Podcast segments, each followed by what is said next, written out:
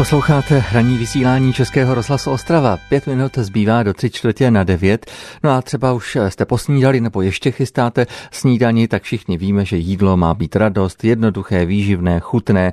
E, přesně to chtějí i lektoři Centra radosti ve Frýdku místku ukázat svým klientům, kteří si přišli do Centra pro radu, jak zhubnout, začít cvičit a kvalitně jíst.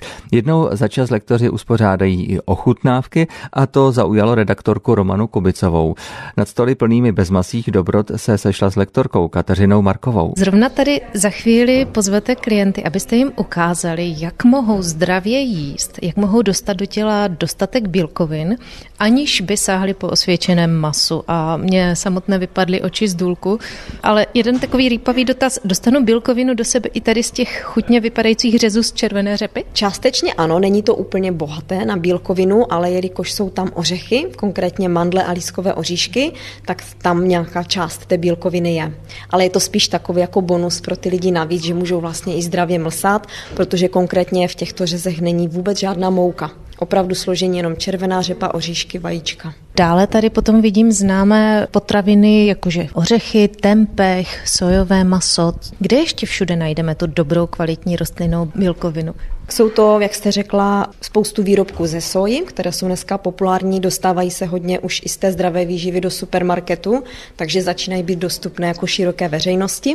A jinak samozřejmě rostlinnou bílkovinu najdeme v obilovinách a v luštěninách. To je taky výborný zdroj, takže kombinací dokonce těchto obou dvou druhů si vytvoříme, nebo tělo si dokáže vytvořit kompletní bílkovinu, kterou získáváme v mase. Ale pozor, když jíme samostatné luštěniny nebo samostatné obiloviny, tak ten proces nenastane. Takže takový tip pro posluchače je skombinovat obiloviny s luštěninama a krásně si zařídím to, že nemusím jíst maso, tělo se cítí tak trošku lehčej. A když si prohlídnu ten váš bohatý stůl, tak vidím, že bych tady mohla snídat, mohla bych obědvat, mohla bych večeřet a dokonce i dezerty bych si mohla dopřát. Tak ale abychom nemluvili pořád obecně, tak třeba přidejme si recept, takovou inspiraci.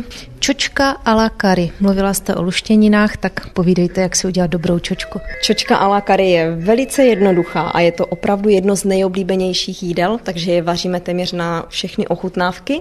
A recept úplně jednoduchý, na cibulce osmahneme tofu, může být buď bílé nebo česnekové, přidáme rajčatový protlak, trošku to podusím, ať to projde tím varem, přidáme česnek, červenou papriku a potom vlastně jenom to smícháme s kary, potom to jenom smícháme vlastně s uvařenou čočkou a opravdu to chutná i mužům, takže mohu velice doporučit.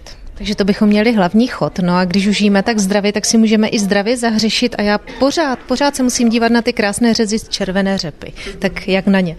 Je to jednoduché, zase červená řepa může být buď to čerstvá nebo sterilovaná.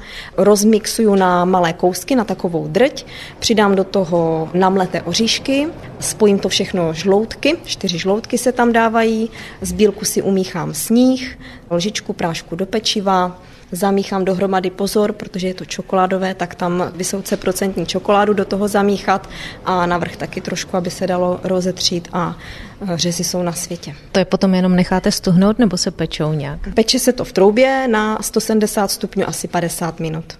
A když tu pořádáte takové ochutnávky, to vy všechno vytváříte tady, nebo z domova každý přinese tak, jak se skutečně doma stravujete a jak vám to jedí manžele i děti? Přesně tak. Není to žádná poza. ne, ne, ne, ne, opravdu tady tohle konzumujeme hojně a velmi rádi, protože opravdu ty recepty jsou velice chutné. Už jste zmínila, že velice chutná ta čočka ale kary i mužům a když si mají vybrat další oblíbený pokrm, po čem sáhnou? No já si myslím, že pro ně budou určitě karbenátky, anebo za chvíli dorazí, ještě tady není výborná sojová sekana rozhodně nepozná ten člověk skoro, že je to vlastně ze soji, že tam není maso. Pokud mu to neřeknete předem, tak opravdu většina lidí nerozliší. Říká Kateřina Mertová z Centra radosti z Frýdku místku Romana Kubicová, Český rozhlas.